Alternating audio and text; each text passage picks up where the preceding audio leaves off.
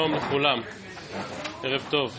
שוב לצערנו ערב אה, קצת עצוב ושומעים בשורות לא טובות מעלי ושוב אנשים נופלים בפיגועי טרור והלב נשבר וכואב, אבל אה, אנחנו מנסים להתחזק בתורה ובעזרת השם שנשמע בשורות טובות, ישועות ונחמות. אנחנו בגמרא בדף ל"ו עמוד א', אה, ואנחנו בתקנה השנייה של משנתנו, האחרונה שעוסקת בעולמות שקשורים לגיטין, בעניין תקנת העולם, בזה שהעדים צריכים לחתום על הגט. אומרת הגמרא, דף ל"ו עמוד א', בנקודותיים, והעדים חותמים על הגט מפני תיקון העולם. תמהה הגמרא ואומרת מפני תיקון העולם, דאורייתא הוא דכתיב וכתוב בספר וחתום, ככה פסוקים בירמיהו, שכבר ראינו כמה פעמים, ברור שחתימה של עדים על הגט זה חלק מהותי מן הגט, איך אתה יכול להגיד שזה רק תיקון העולם? תשובה פשוטה, וזה גם מה שאמרנו במשנה, אמר רבא לא צריכה לרבי אלעזר, דאמר ידי מסירה קרתי, כלומר הפשט הוא שלפי רבי אלעזר באמת צריך רק ידי מסירה, לא צריך בכלל היה לחתום על הגט, ועל זה תקינו רבנן ידי חתימה מפני תיקון העולם, דזימנין דמייטי סהדי, כלומר ימותו ידי המסירה, אינמי זימנין דאז דידי המסירה למדינת הים, ואז אם נרצה בכל זאת להוכיח שהגט הזה כשר, אנחנו נוכל להתבסס על ידי החתימה. מקשים כאן רבים מן הראשונים ושואלים, איך זה מועיל? איך זה מועיל? הרי לפי רבי אלעזר ידי מסירה קרקע, אז נניח חתמו על הגט. מה החתימה הזאת אומרת? אני חייב לדעת שהגט ניתן לאישה בפני ידי מסירה. מי יכול להעיד על זה? ידי המסירה. דע עקה שידי המסירה מתו, הלכו למדינת הים. מה זה שיש חתימה של שני אנשים, בין שזה אותם שני אנשים, בין שזה שני אנשים אחרים, מה מועילה החתימה שלהם על הגט? ושוב, רבים מן הראשונים, בראשוני ספרד, מקשים את הקושייה הזאת, ולא בדיוק מתרצים, אלא אומרים, כנראה שיש אומדנה, הוכחה, ראייה, אם באמת העד, הגט הזה נחתם בכשרות על ידי שני עדים, כנראה שאני יכול להניח שהכל היה כהלכתו. מה זה אומר שהכל היה כהלכתו? שהוא גם נמסר בפני שני עדים, כפי שרבי אלעזר דורש. ולכן שוב, העובדה שרבי אלעזר לא מצריך חתימה על הגט, בדאורייתא היא באמת עובדה ברורה. השאלה איזה תיקון עולם בדיוק נוצר כאשר לפי רבי אלעזר כן חותמים. כי סוף כל סוף גם החתימה הזאת כאמור אינה מספקת לי אם אני לא יודע שיש עדי מסירה, ושוב צריך להניח שיש כאן איזושהי אומדנה או הערכה שבאמת הכל יתבצע כהלכתו. אז זה אם כן הפשט במשנה. אבל רב יוסף אמר אפילו תמה לרבי מאיר. כלומר יכול להיות שגם בדעת רבי מאיר יש תיקון העולם בזה שהעדים חותמים על הגט. מדוע? משום ש...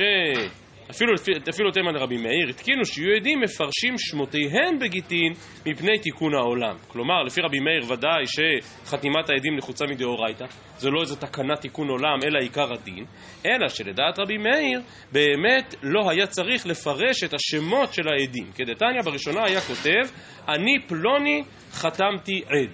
יש כאן דיון בין הראשונים, האם הוא היה רק היה כותב אני עד, או אני פלוני, או שפלוני הכוונה לא המילה פלוני, אלא הוא כתב את השם שלו, אבל גם אם הוא באמת כתב את השם שלו, הוא עדיין לא כתב את השם המלא, ואת שם אביו, ואת שם המשפחה. כלומר, חתימת העד, קצת כמו שקורה היום, הרבה פעמים אנשים היום, עוד פעם, להבדיל, זה לא אותו דבר, אנשים היום כשהם חותמים על משהו, עושים איזה קשקוש, שזה החתימה שלהם, קשור למה שנראה תכף בגמרא. אבל, באמת אין כאן פירוט של השם. ואם כן, לפי רבי מאיר, אולי גם זה מספיק, כי סוף כל סוף זו חתימה על הגט. אחרי, ואז מה, מה זה עוזר לי? אז התשובה מסיימת הברייתא ואומרת, בראשונה היה כותב אני פלוני חתמתי עד, אם כתב ידו יוצא ממקום אחר, כשר, ואם לאו, פסול. כלומר, אם באמת אני יכול לזהות של מי החתימה הזאת, אז באמת הגט כשר. כתב ידו באמת יוצא ממקור אחר, אבל אה, כתב ידו יוצא ממקום אחר ולכן אפשר לקיים את הגט, אבל לא היה צריך לכתוב שם מלא. ואז אמר רבן גמליאל, תקנה גדולה התקינו, הזכרנו אתמול את התוספות כאן, שאומרים שמכאן מוכח שהתקנה לא הייתה תקנת רבן גמליאל, אלא תקנה קדומה לו. תקנה גדולה התקינו, שיהיו מפרשים שמותיהן בגיטין מפני תיקון העולם. כלומר שבאמת צריך לכתוב שמות מלאים יותר בגט, והתקנה הזאת היא כבר תקנת תיקון העולם. סיימת הגמרא ושואלת, רגע, אבל באמת בסימן הלא? כלומר, אחרי אותה תקנת תיקון העולם שהעדים צריכים לכתוב שם מלא בגט, אז באמת אי אפשר לעשות איזה קשקוש? אי אפשר לעשות איזושהי חתימה כמו שהזכרתי מקודם, והרב צעיר קברה. כלומר, סימן ההיכר, החותמת של רב, היה ציור של דג, ככה רב היה חותם. ורבי חנינא צעיר חרוטה, צורה של דקל. רב חיסדא כתב את האות סמך. רב הושעיה כתב את האות עין. רב אבא רב הונא צייר מקוטה. כלומר, כל אחד מהם, רש"י אומר שזה איזשהו סוג של אה, מפרש, של ספינה. כלומר, כל אחד מהם היה לו איזושהי חותמת היכר, וכך הוא היה חותם על שטרות. אבל אמרת שמפני תיקון העולם צריך שהעדים יכתבו בפירוש את שמם המלא וכולי וכולי. איך אתה יכול להסתפק באותם סימנים שאתה יודע שזה סימן ההיכר של רב, זה סימן ההיכר של רב הושעיה וכולי וכולי? עונה הגמרא, שאני רבנן דבקין סימנאי. כלומר, כולם מכירים את החותמת של רב. זה סימן היכר שאין מי שלא מכיר אותו. ולכן תיקון העולם רק מחייב שנכתוב שמות מלאים בגט כדי שנדע אחר כך למי לפנות. עוד פעם להבדיל, היום ברוב המועצות הדתיות כאשר אתה מקבל כתובה ואתה צריך למלא אותה, אתה צריך למלא אחר כך פרטים מלאים של העדים, לא רק את השם שלהם. שם, טלפון, מקום מגורים, מבקשים לכתוב שם במה הם עוסקים וכולי וכולי במסמך שאתה מחזיר אחר כך למועצה הדתית כדי שיוכל להיות לנו איזשהו מעקב אחרי העדים. הסימן המוסכם של רב, הסימן המוסכם של כל האמוראים שנזכרים כאן בגמרא, הוא סימן שכולם מכירים. לא יהיה בעיה אחר כך לזהות מי חתם על אותו שטר. שטני רבנן דבקיין סימנאי. אז רק שואלת הגמרא, מעיקרא במאי אפקעינו? אפקעינו כאן לא במובן של אפקעינו לקידושין, אלא מלשון פקיע שמיו. כלומר, כשרב הוא כבר רב, וכולם יודעים שסימן ההיכר של רב זה איזשהו ציור של דג, בסדר, אז כולם יודעים. אבל מלכתחילה, איך הסימן הזה יתפרסם? הרי היום כשרב עושה סימן כזה, אז כולם יודעים שזו החותמת של רב. אבל בפעם הראשונה שרב עשה את החותמת של הדג, אף אחד לא הכיר את זה. אז איך החותמת הזו התפרסמה? אמרת שאם החותמת מפורסמת אין בעיה להשתמש בה, אבל איך החותמת הזאת התפרסמה? כאילו מי הגט המאה שרב חתם עליו זה כבר מפורסם שזה של רב, אבל מה היה על מאה הגיטין הקודמים? אומרת הגמרא בדיסקי. אומר רש"י, שטרי שאלות ותשובות ושלומות, כן, מן הסתם, בסורה היה מלא פשקווילים שרב היה חותם עליהם, וכולם יודעים איך נראית החתימה של רב. כלומר, באמת, הוא לא יכול היה להשתמש בזה בשטרות לפני שפקיע שמיו, לפני שכולם מכירים. אבל אחרי שכולם מכירים, אז באמת החותמת הזאת היא חותמת לגיטימית. אז עד כאן לגבי חתימת הגט, וגם זאת תקנה משום תיקון העולם, ומכאן אנחנו עוברים אל הסוגיה הבאה, סוגיית פרוזפול. והסוגיה הזו היא סוגיה נרחבת ומורכבת, הלכות שמיטת כספים, ובכללן גם התקנה של פרוסבול, נשנו במשניות בפרק העשירי במסכת שביעית, משניות אחדות מן הפרק שם מצוטטות כאן בסוגיה שלנו, אבל אין ספק שכדי להקיף את הסוגיה במלואה, את סוגיית פרוסבול, יש ללמוד בהרחבה את אותו הפרק במשנה, בירושלמי, וסך הכל הדברים עוד די טריים בראש, אמנם אנחנו כבר ראש חודש תמוז, אבל סוף כל סוף, לפני פחות משנה, כולנו כתבנו פרוסבולים. אז בסוף השמיטה תמיד יש את כל השיעורים על הפרוסבול ועל שמיטת כספים. וכאמור, ללמוד את הסוגיה במלואה, לא נוכל לעשות את זה כאן במסגרת הזאת. מבחינת הדף היומי, אז פרוסבול יעסיק אותנו יומיים. הערב ומחר, הסוגיה כאן משתרעת על פני שני דפים, דף ל"ו ודף ל"ז, וגם באופן כללי באמת מחולקת לשני נושאים. כלומר, דף ל"ו שאנחנו לומדים הערב עוסק ביסוד הדין, ביסוד התקנה של פרוסבול, ואילו דף ל"ז שנלמד מחר עוסק בחובות שנשמטים או שלא נשמטים בשביעית. וממילא השאלה על מה צריך לכתוב פרוסבול ועל מה לא צריך לכתוב פרוסבול. זה בגדול המבנה של הסוגיה של שני הדפים הללו כאן, דף ל"ו ודף ל"ז. כפי שנראה, בדף ל"ו שאנחנו לומדים הערב, תופסת מקום מאוד חשוב השאלה באמת עד כמה חכמים, עד כמה הלל הזקן יכול היה להפקיע מצווה מפורשת בתורה. עכשיו הדיון הזה, בפרק שלנו, בעיניי הוא דיון uh, טבעי לחלוטין. קצת מקביל לסוגיה שכבר למדנו בפרק הזה, והיא סוגיית... איפה כבר דיברנו על השאלה הזאת של סמכות חכמים? לא, בהקשר של, של הפקעים. כלומר, בעצם פרק שעוסק בתקנות תיקון העולם, מאליו יתמודד גם עם שאלות של איפה הגבול של סמכות חכמים. מה חכמים יכולים או לא יכולים לתקן בשם אותו תיקון העולם? יכולים להפקיע קידושין של גט שמדאורייתא הוא פסול ובאים חכמים ומכשירים אותו? יכולים לבטל מצוות שמיטת כספים מדאורייתא? כלומר השאלה הזאת באמת שאלה מתבקשת בפרק הזה שבאמת עוסק בענייני תיקון העולם. אז נשתדל בזריזות לראות את סוגיית הגמרא, כאמור כאן בדף ל"ו. ככל שיותר לנו הזמן אחר כך, אז אולי נאמר גם כמה מילים על דף המקורות ששלחתי מפה.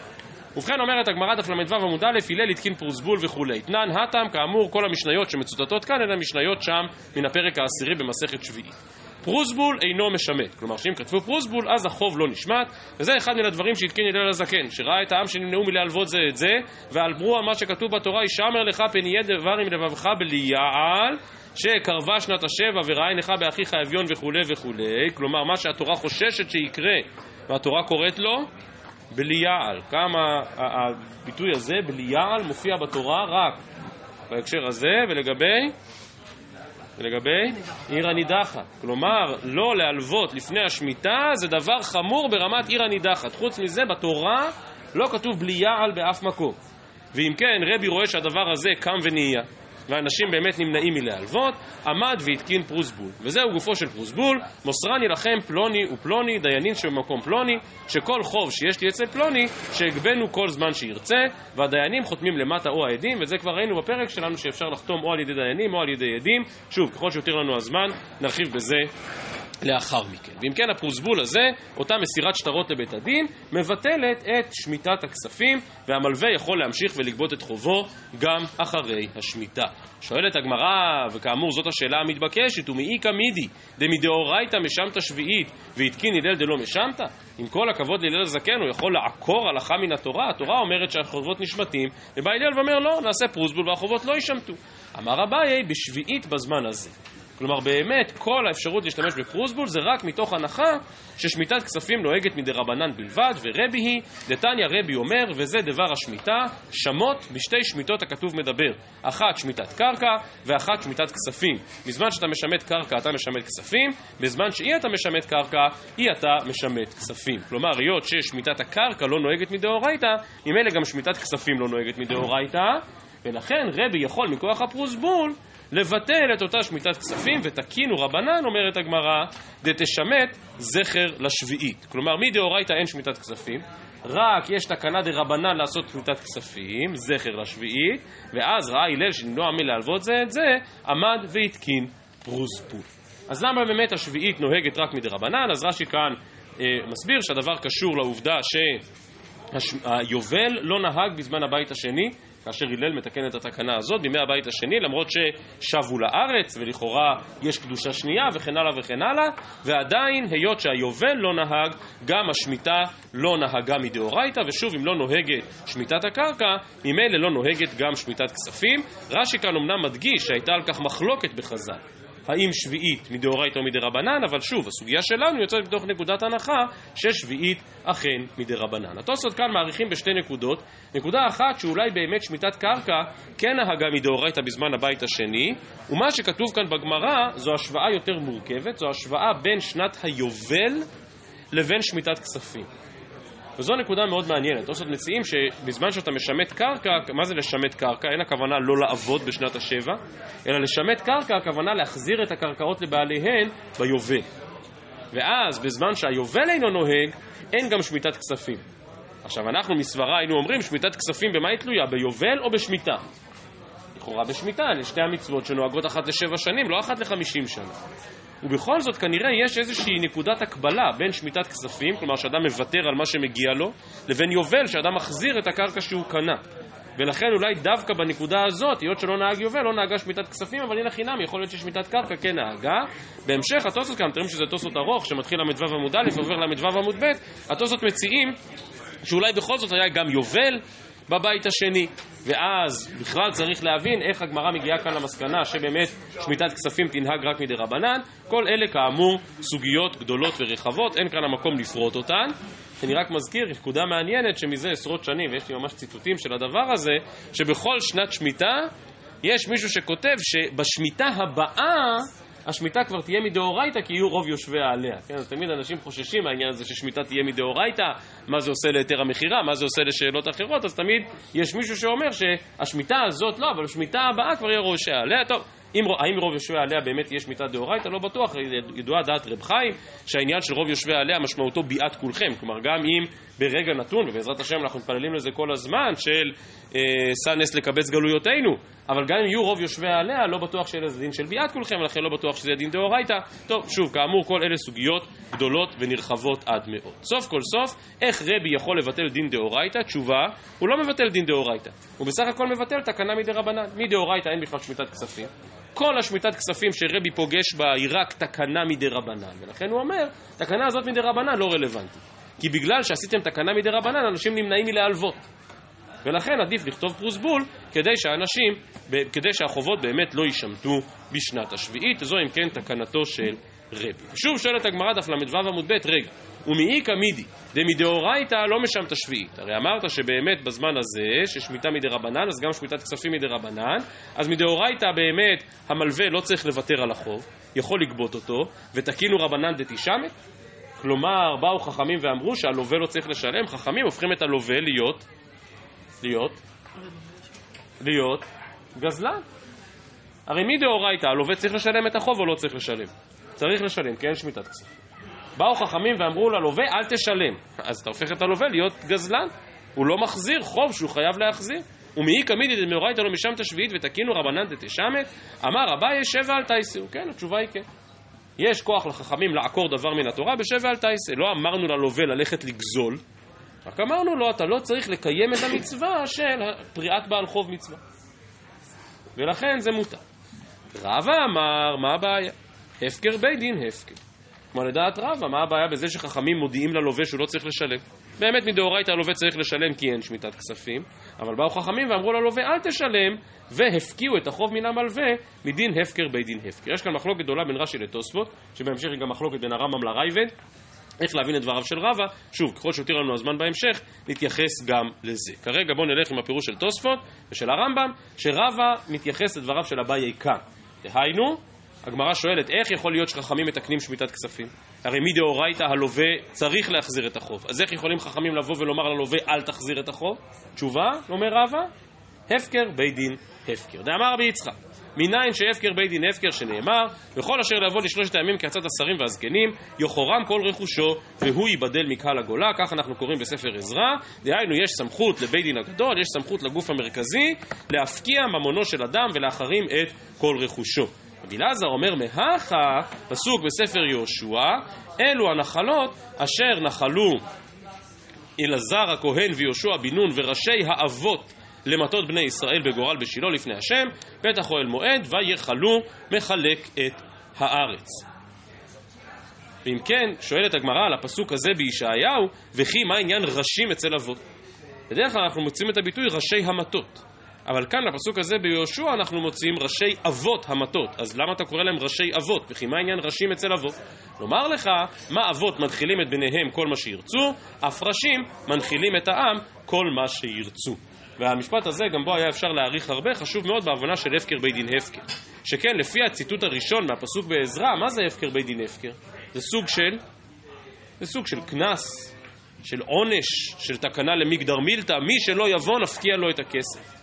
אבל ההשוואה של ראשים לאבות אומרת לך מה אבות מנחילים את בניהם כל מה שירצו. כלומר שלסמכות המרכזית, לבית דין יש סמכות לעצב את כל עולם דיני הממונות. ובית דין קובעים מה שייך למי ומי צריך לשלם למי ומי לא צריך לשלם למי, לא רק כאיזושהי הפקעה, כאיזשהו עונש וקנס יחורם כל רכושו, אלא הגדרות הבסיסיות בדיני חושן משפט.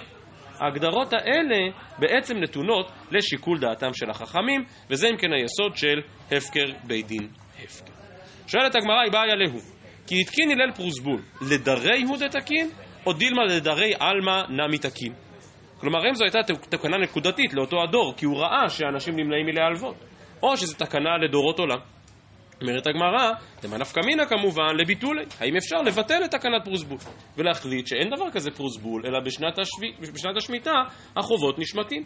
היא אמרת לדרי הוא דתקין, אם זו הייתה תקנה נקודתית לאותו הדור, מבטלין עליה. אז בסמכותנו לבטל אותה ולהחליט שאנשים לא יכתבו פרוסבול, אלא ישמטו את החובות.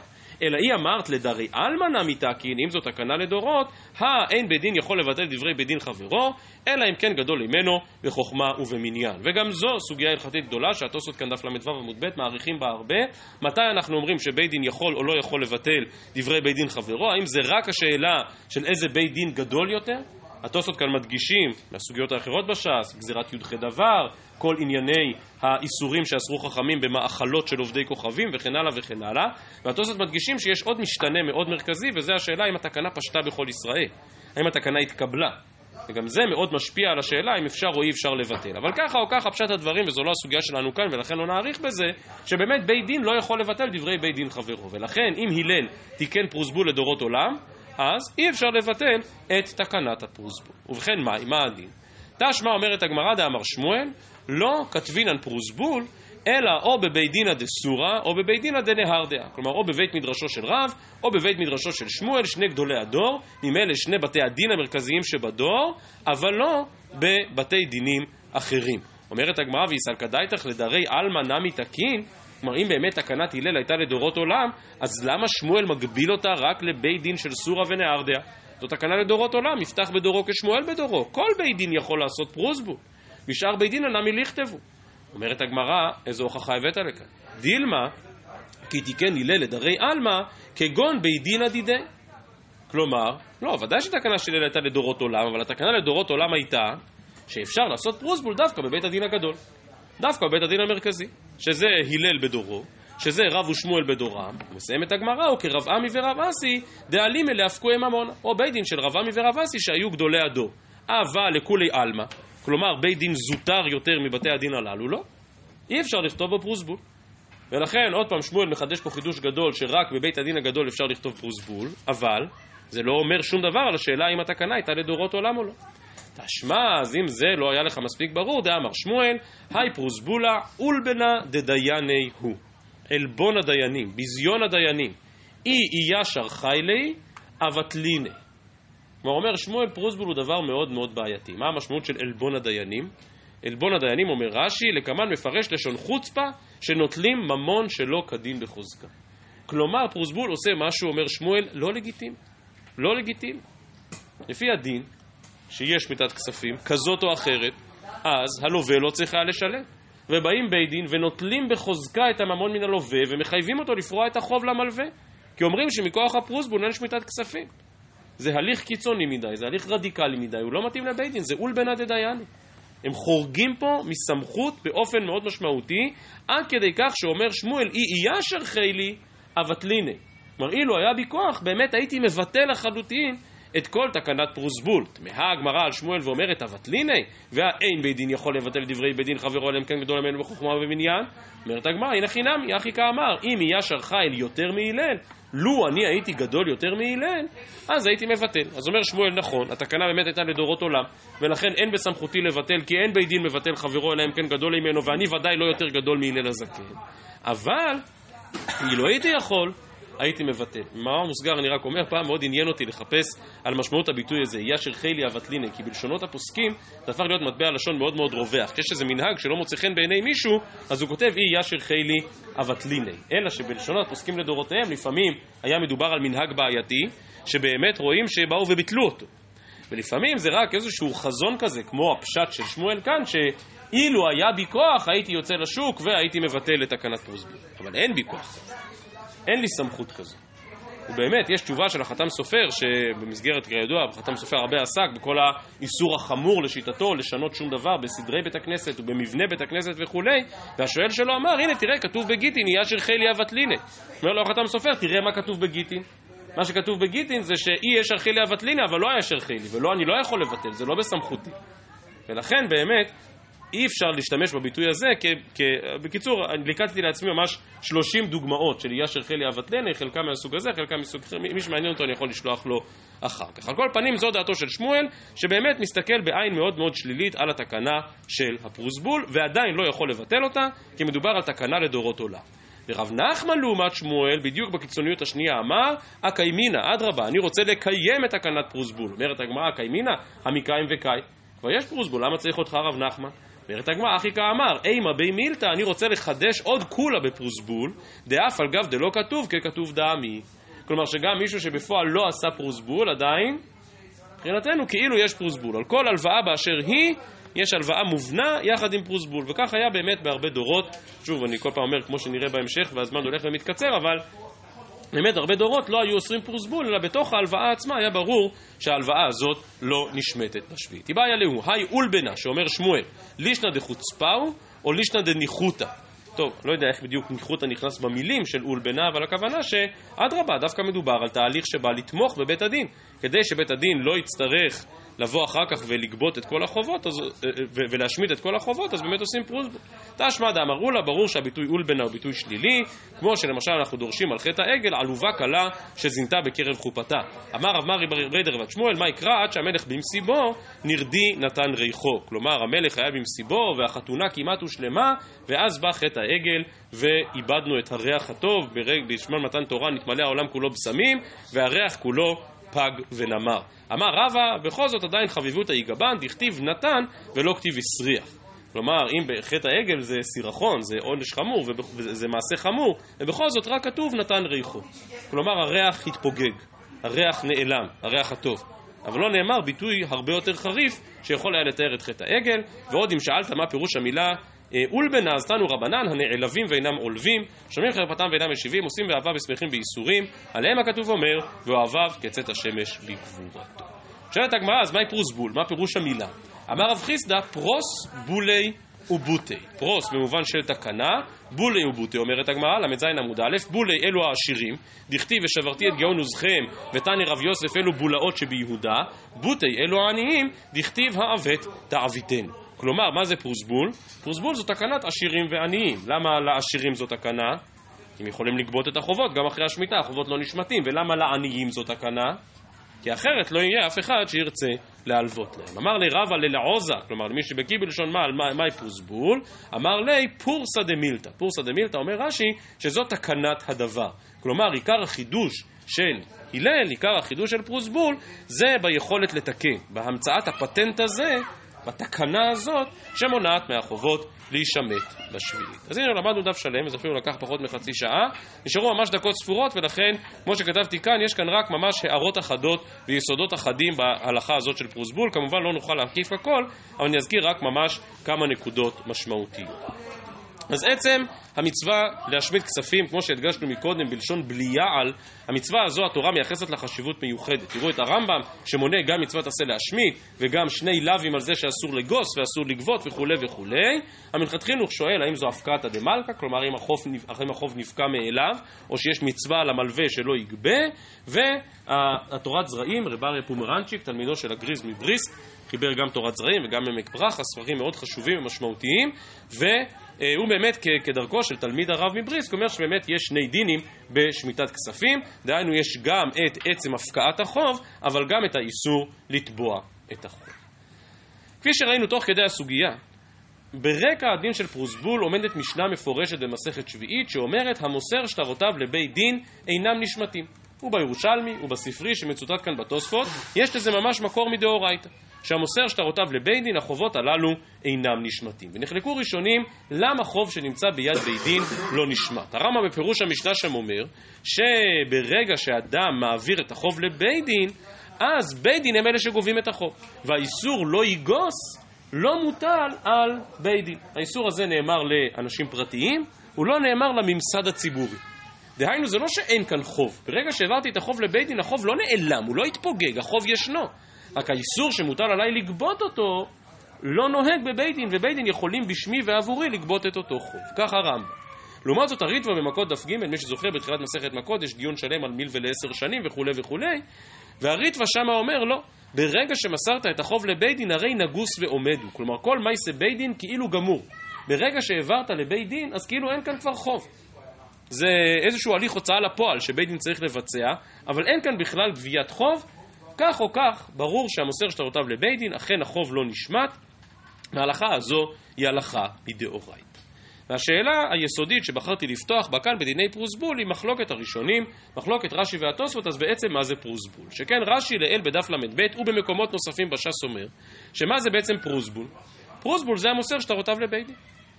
זו תקנת פרוסבול. והתוספות כאמור בכמה מקומות מקשים על דבריו של רש"י ואומרים, רגע, אבל אם מוסר שטרותיו לבית דין אז למה צריך את הלל הזקן? הרי זה דין דאורייתא שהמוסר שטרותיו לבית דין החובות לא נשמטים.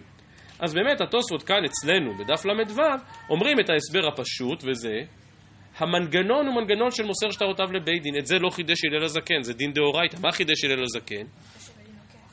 לא, יותר מזה, שכולם עושים את זה. כלומר, מדאורייתא, אם מסרת שטרותיך לבית דין על הכיפאק, ואם לא, אז לא. אבל הלל תיקן שכולם ימסרו את שטרותיהם לבית דין כדי שהחובות לא יישמטו בשביעית. אז שוב, רש"י אומר זה מוסר שטרותיו לבית דין, התוספות ודאי במכות מבינים שמה פתאום, שפרוסבול זו הלכה עצמאית, לא קשור למוסר שטרותיו לבית דין, ואחרונים רבים מבינים שכך גם דעת הרמב"ם. שפרוסבול זו תקנה עצמאית שכביכול מעבירים את החובות לבית דין, אבל זה לא קשור להלכה העקרונית של מוסר שטרותיו לבית דין. השאלה הזאת, עד כמה פרוסבול ומוסר שטרותיו לבית דין, משפיעה על פרשנות הסוגיה שלנו. שכן הגמרא כאן שאלה פעמיים, ומאיכא מידי דמדאורייתא. בהתחלה הגמרא שאלה האם יכול להיות פרוסבול שיבטל דין דאורייתא של שמיטת כספים, ואחר כך שאלה הגמרא, האם ייתכן שמדאורייתא לא צריך להשמיט כספים, ובאו חכמים ואמרו שכן להשמיט, ועל זה תרץ רבא, הפקר בית דין הפקר. אז הזכרתי מקודם שהתוספות וגם הרמב"ם מבינים שרבא מתייחס רק לשאלה לתקנת שמיטת כספים מדרבנן, שהיא מבוססת על הפקר בית דין הפקר. אבל רש"י כאן לא לומד ככה. רש"י כאן מבין שכשרבא בא ואומר הפקר בית דין הפקר, הוא חוזר לקושייה הראשונית.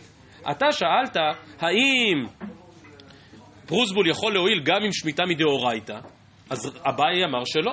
פרוסבול מועיל רק בשמיטה מדרבנן. אבל רבא בא ואומר, מה פתאום, גם עם שמיטה מדאורייתא פרוסבול מועיל. למה? כי הפקר בית דין הפקר. ובסמכותם של חכמים לתקן דבר כזה.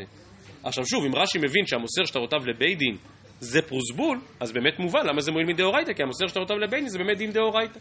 וכאמור, בדבר הזה נחלקו גם הרמב"ם והרייבן, הרמב"ם שמבין שכל דין פרוסבול הוא רק בשמיטת כספים מדרבנן, ואילו הרייבן אומר, מה פתאום? הפקר בית דין הפקר, ולכן אה, באמת פרוסבול מועיל אפילו עם שמיטת כספים מדאורייתא. ושוב, הבאתי כאן את דברי אסמה במקור מספר 17, שבאמת, גם אם תאמר שמוסר שטרותיו לבית דין זה דאורייתא, עדיין החידוש של הלל זה לא רק בזה שכולם עושים את זה, אלא גם בשאלה איך עושים את זה. ואת זה לא הספקנו לראות עכשיו, נראה מחר בעזרת השם את הגמרא כאן בדף ל"ז, שרבנן דבי רב אשי מסרי מיליו להדדה. כלומר, שהיו עושים פרוסבול בעל פה. כמו שנהוג עד היום בקהילות חב"ד למשל, שבערב ראש השנה של השנה השמינית אומרים בעל פה פרוסבול, לא כותבים. כמו רבנן דבי רב אשי. עכשיו שוב, זה לא מוסר שטרותיו לבית דין, זה פייק מוסר שטרותיו לבית דין, זה לא באמת. אומר אסמה, זה בדיוק תקנת הלל. כלומר, הדין של מוסר שטרותיו לבית דין הוא דין דאורייתא.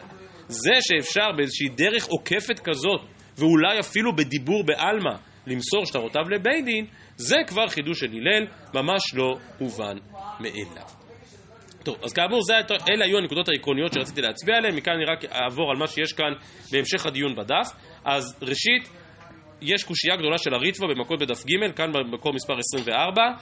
למה בעצם היה צריך הלל לתקן פרוסבול? הרי נאמר שם בסוגיה במסכת מכות שאפשר מראש לעשות תנאי על מנת, על מנת שלא תשמיטני בשביעית. וזה כל תנאי שבממון תנאו קיים. אם היית אומר על מנת שלא תשמיטני שביעית, כלומר אתה רוצה לעקור את דין שמיטת כספים, זה אתה לא יכול לעשות. אבל אם אתה מראש עושה הסכמה כזאת שלא תשמיטני בשביעית, אז זה תנאי שבממון תנאו קיים.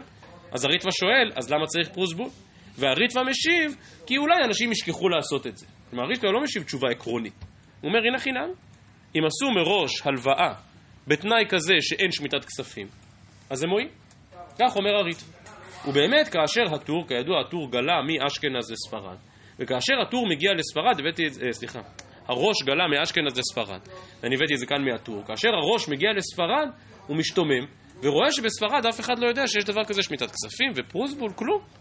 והוא אומר, צווחתי ככרוכיה, אף אחד לא, שאלתי אותם, איפה הפרוסבולים שלכם? ואף אחד לא אמר לי שום דבר.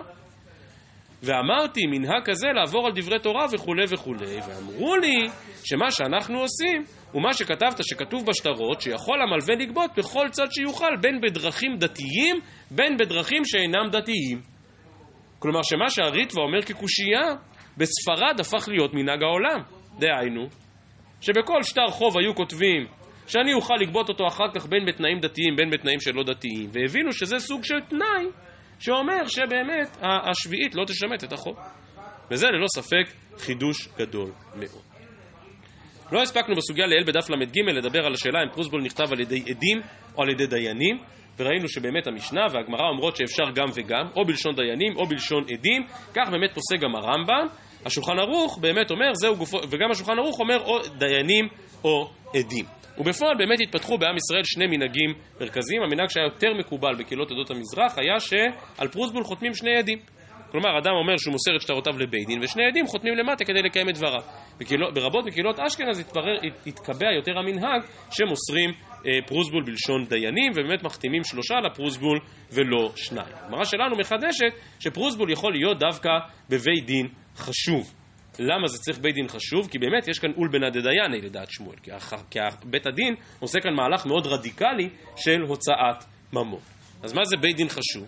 אז כל כך כל כך אופייני לרבנו תם כאן בתוספות שאומר לא יודע מה זה בית דין חשוב אבל אבל הבית דין שלי הוא בטח בית דין חשוב, כך אמר רבנו תם. כלומר אם אה, הלל בדורו ורב ושמואל בדורה ורב אסי אז ברור שגם הבית דין של רבנו תם הוא בית דין חשוב ולכן רבנו תם כתב פרוסבול זה לא היה כל כך חלק, כי הבאתי כאן את הראש במקור 34 שרבנו תם ממש התלבט בנקודה הזאת ואולי אפילו שינה את דעתו במשך חייו. אבל השורה התחתונה בתוספות אצלנו זה שבאמת כותבים פרוסבול בכל בית דין, או לפחות בבית דין שהוא ברמתו של רבנו תם. הרמב"ם לעומת זאת פסק כפשוטה של סוגייתנו. שבית דין אפשר לכתוב רק בבית דין גדול, בית דין שיכול להפקיע ממון, דווקא בבית דין חשוב, וכך באמת פוסק גם השולחן ערוך, שפרוסבול נכתב דווקא בבית דין חשוב. הרמ"א לעומת זאת מביא את המנהג שכותבים פרוסבול בכל בית דין. טוב, אז לפי הרמב"ם והשולחן ערוך שצריך לכתוב פרוסבול בבית דין חשוב, איך בדיוק אמורים לכתוב פרוסבול היום? האם יש לנו בית דין חשוב? בואו נגיד שכן, בסדר? כולנו ממלכתיים, בית הדין הגדול של הרבנות הראשית לישראל הוא בטח בית דין חשוב, הרבנים הראשיים לישראל, קדימה, בסדר? לא גרע מרבנו תם, יפתח בדורו כשמואל בדורו, הכל בסדר. אבל, איך אתה יכול למסור להם את החוב? מה, כל אחד צריך לבוא לבית הדין הגדול ולמסור את החוב? אז הפתרון לזה זה הירושלמי בשביעית שאומר שאפילו נתונים ברומי. אלא שיש מחלוקת בין הראשונים, האם באמת נכון הדבר שאפשר למסור את החוב מרחוק. כלומר, אתה יכול, אתה באמת צריך להעביר את החובות שלך לבית הדין הגדול, אבל אתה לא חייב להגיע פיזית לבית הדין הגדול, אלא אתה יכול לעשות את הדבר הזה מרחוק. עוד פעם, לא הספקנו עכשיו לדון בכל דברי הראשונים, אבל כן הבאתי כאן את הפרוסבול של מורנו הרב ליכטנשטיין בנוסח שלו, כך הייתה גם דעתו של הרב אליושיב, שכדי לצאת בספק הזה, אז כותבים פרוסבול מותנה. כלומר, אתה מוסר את החובות שלך לבית הדין הגדול של הרבנות הראשית לישראל בירושלים, אבל באם אי אפשר למסור את הפרוסבול מרחוק, אז אתה מוסר אותם לשלושה חבר'ה משיעור א' שישבו אחרי שחרית בערב ראש השנה ועשו לך את הפרוסבול. זה בעצם היה הפרוסבול של הרב ליכטנשטיין, ושוב, יש בזה היגיון רב, אם כי, וזה אחד הסיפורים הנפלאים, שמעתי, אותם, שמעתי אותו פעם מראש מכון התורה והארץ, הרב יהודה עמיחי, היום ראש מערך הגיור, והוא אמר לי שפעם הוא נכנס אצל רב שלמה זלמן עם פרוסבול כזה, בסגנון הזה, כלומר זו לא המצאה שעד הרב אליושי והרב ליכטנשטיין אף אחד לא חשב עליה, רב שלמה זלמן אמר לו את המשפט הבא, זה היה הציטוט: בהוראה לציבור אין דבר כזה אם ואם. כלומר, כשאתה בא למישהו לכתוב פרוסבול, אז תכתוב פרוסבול. לא כותבים אם ואם, זה לא מתאים. טוב, אבל ליכטנשטיין לא הורה את זה לציבור, אלא ככה הוא עשה בעצמו, וזה היה מנהגו. טוב, חרגנו הרבה מן הזמן, יש עוד הרבה הרבה מה לדבר בסוגיות של פרוסבול, כאמור סוגיות גדולות וחשובות, וניסיתי באמת רק לקבץ, כמו שאמרתי, יסודות אחדים, עקרונות אחדים, שקשורים אל הסוגיה הזו. מחר בעזרת השם נשלים את הדיון על החובות שנשמטים או לא נשמטים. ערב טוב לכולם.